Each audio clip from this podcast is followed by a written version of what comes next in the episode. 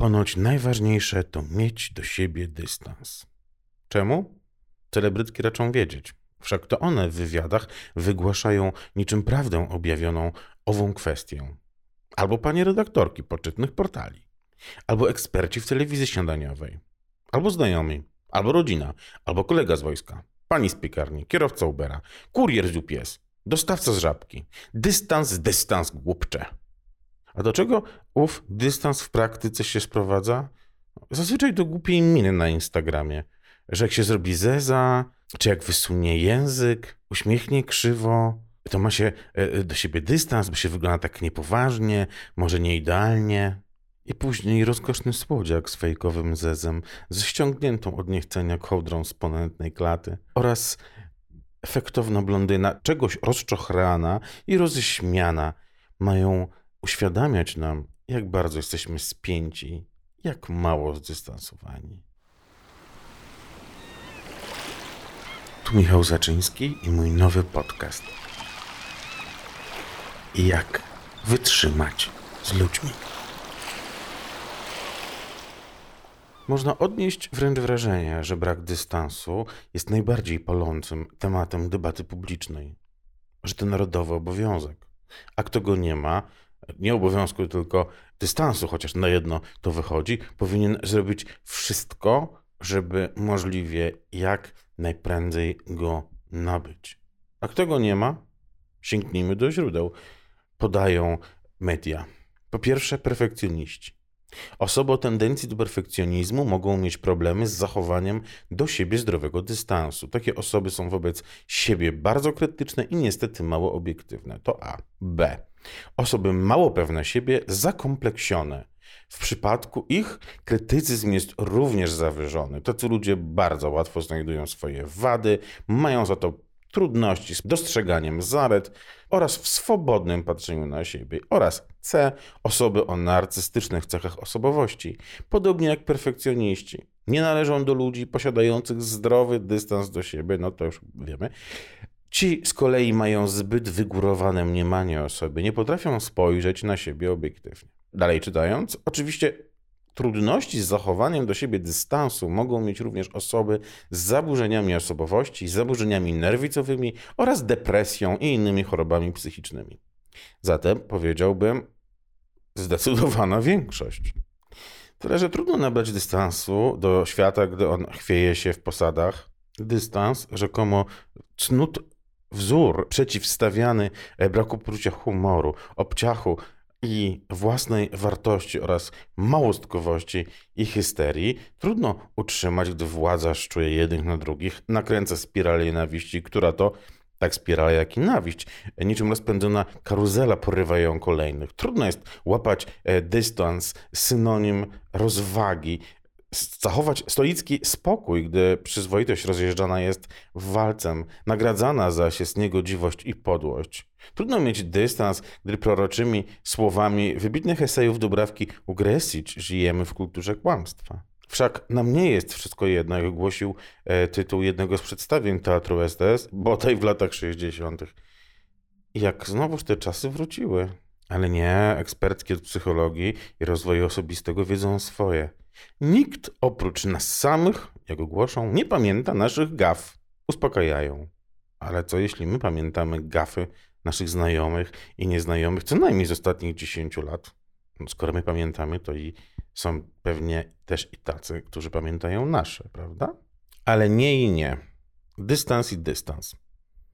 Dystans, gdy jesteś biedny i musisz zrezygnować ze studiów, bo nie stać cię na wynajem metra kwadratowego pawlacza w łazience w bloku za 2,5 tysiąca, plus gaz, plus energia, plus czynsz, plus wywóz śmieci, plus internet. I gdy jesteś zamożny, zażynasz się, zrezygnowałeś ze swoich marzeń, planów i hobby, żeby pracować w wielkiej firmie na chwałę kraju i słyszeć, że jesteś korposzczurem. Bez względu na to wszystko, musisz zacisnąć zęby i mieć dystans. Celebrytki mają łatwiej. Eee, wow. Dystans w ich wykonaniu to wrzucanie selfie na Instagram z hashtagiem bez filtra albo zakupów podczas wyprzedaży. Trudniejszy do zdefiniowania jest dystans do siebie jako taki. W sumie nic dziwnego, zważywszy, że no trudno nam określić dokładnie, co to jest tak zwane bycie sobą. Mówił mi znajomy, że bycie sobą to jest dokładnie To samo jak pić Pepsi. Bądź sobą, pij Pepsi. Może i miał rację. Albo takie wychodzenie ze strefy komfortu, choć coś nam mówi, że ci, co zwykle o tej strefie komfortu opowiadają, to gdy już zaczynają nam zarzekać, że z niej e, właśnie wyszli, po prostu pojechali na weekend do spa. Wyjście ze strefy komfortu to także przerzucenie się z klasy biznes z samolotu do Madrytu na agroturystykę na Mazurach. Tyle, że w wersji Lux z jacuzzi i koszem świeżo zebranych o świcie poziomek podawanych na śniadanie przez znanego w niejednych kręgach szefa kuchni. Nieraz jednak przekonaliśmy się, że oczekiwanie od nas owego mitycznego dystansu pozwala innym szczypać nas i kopać słowem. To taki sadyzm kilkulatków, tyle że e, werbalny i niestety w wydaniu dorosłych. Taki typowy dla ludzi prymitywnych, którzy co pomyślą, to powiedzą. Coraz mniej masz tych włosów, o niedługo będziesz całkiem łysy. Albo znowu ci Kaśka nogi spuchły. To są takie uwagi, które mamy przyjmować z uśmiechem, żartem, roześmiać się. Inaczej, jeśli pomyślimy sobie, jakim trzeba być kretynem, żeby takie uwagi formułować, dlaczego kogokolwiek zajmują moje nogi czy moje włosy, jak w 2023 roku można bezceremonialnie i w ten sposób w ogóle niepytanym zwracać komukolwiek uwagę? No nie. Jesteśmy przewrażliwieni, nie znamy się na żartach i, a cytat, nie jeden z nas to słyszał, psujemy atmosferę. A jeśli jesteśmy przewrażliwieni i, i na tych żartach się nie znamy, to oczywiście nie mamy do siebie dystansu. I nie ma nawet znaczenia, że z tych coraz rzadszych włosów jesteśmy zadowoleni, wręcz dumni. Bo opowieść rodzinna niesie, że pediatka, gdy się miało lat 6, już prognozowała, że do matury będziemy kompletnie łysi, a matka e, ostatnie, a właściwie pierwsze 3 dolary, które zarabiała na robieniu swetrów i wstawianiu ich do komisów, wydawała w baltonie czy tego typu przybytkach na oliwkę do włosów. Młodzież poniżej 35 roku życia może zrobić teraz tutaj pauzę, albo wejść do internetu, albo zajrzeć do książki Oli Boćkowskiej Księżyc Peweksu Luksus.pl, żeby zrozumieć, na czym cały ów proceder polegał. Ale nie ma znaczenia nasze samopoczucie, co my myślimy, jak ze sobą dobrze się czujemy. Nie. Musimy być zdystansowani. Czyli nie czuć się ze sobą ani ogólnie wystarczająco dobrze. Jeśli jednak z tego piekła głupich koleżanek z pracy, głupich cioć i szwagrów chcemy się wyrwać, to dystansu, nawet jeśli nie bardzo wiemy na czym on polega, siłą rzeczy powinniśmy nieco nabrać. Z pomocą teoretycznie przychodzi literatura fachowa, media i specjaliści. I oto czytamy. Wystarczy wyluzować i dać sobie możliwość, by spojrzeć na sprawę z pozycji obserwatora. Idź do hospicjum, szpitala, domu dziecka i popatrz na własne życie. Czy twój problem nadal wygląda tak samo? E, cóż, powiedziałbym, że nadal. Po pierwsze, pocieszanie się, że inni mają gorzej, to brak klasy. Po drugie, jednak lepiej w takich miejscach przyzwoicie i pomagać innym niż sobie samemu. Po trzecie, jak mamy wyluzować? Powiemy sobie, a no oglądaliśmy się chorych, biednych, nieuleczalnie cierpiących, skrzywdzonych, jak mamy zajście w naszym życiu. No tylko kretyn może tak pomyśleć. No nie? Osoba y, z minimalną, chociażby humanistyczną refleksją. Inny z portali sugeruje natomiast, żebyśmy nabrali dystansu, widząc siebie z perspektywy kosmosu. Astronauci tak mieli. Otóż po powrocie z przestworzy nagle zdawali sobie sprawę, jak maleńki jest człowiek i jak mikroskopijna jest Ziemia. To jest cytat. Malutka kuleczka bezradnie zawieszona w kosmicznej próżni. Brawo.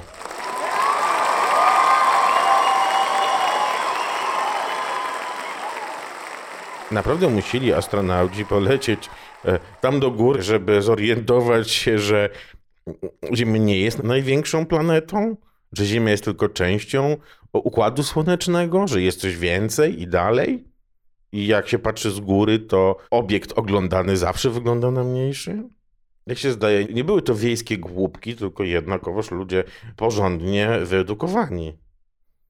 Zresztą nawet wiejskie głupki zdają sobie sprawę, że coś z bliska jest większe, a z daleka mniejsze. Inna sprawa, jak mielibyśmy niby polecieć w ten kosmos, żeby zdać sobie sprawę, że Ziemia jest ową, Matko Boska, malutką kuleczką. Ostatecznie lot w kosmos to, to nie jest przejażdżka TLK Szkuner. Y, Ja wiem, y, ceny obecnie po podwyżce y, potrafią zawrócić nomen omen w głowie. Ten sam portal radzi. Może na początek wystarczy nosić ten obraz w sobie i raz na jakiś czas do niego wracać. Ale trudno orzec przecież, co z tego miałoby wyniknąć. Jaki obraz w głowie? Zawieszonej kuleczki? Tego, że są różne planety? I że jak się patrzy na Słońce, to ono jest takie małe, że jak piłka tenisowa czy ping-pongowa niemalże, ale przecież mamy świadomość tego, to elementarne dosyć, że Słońce jest większe od Ziemi, prawda?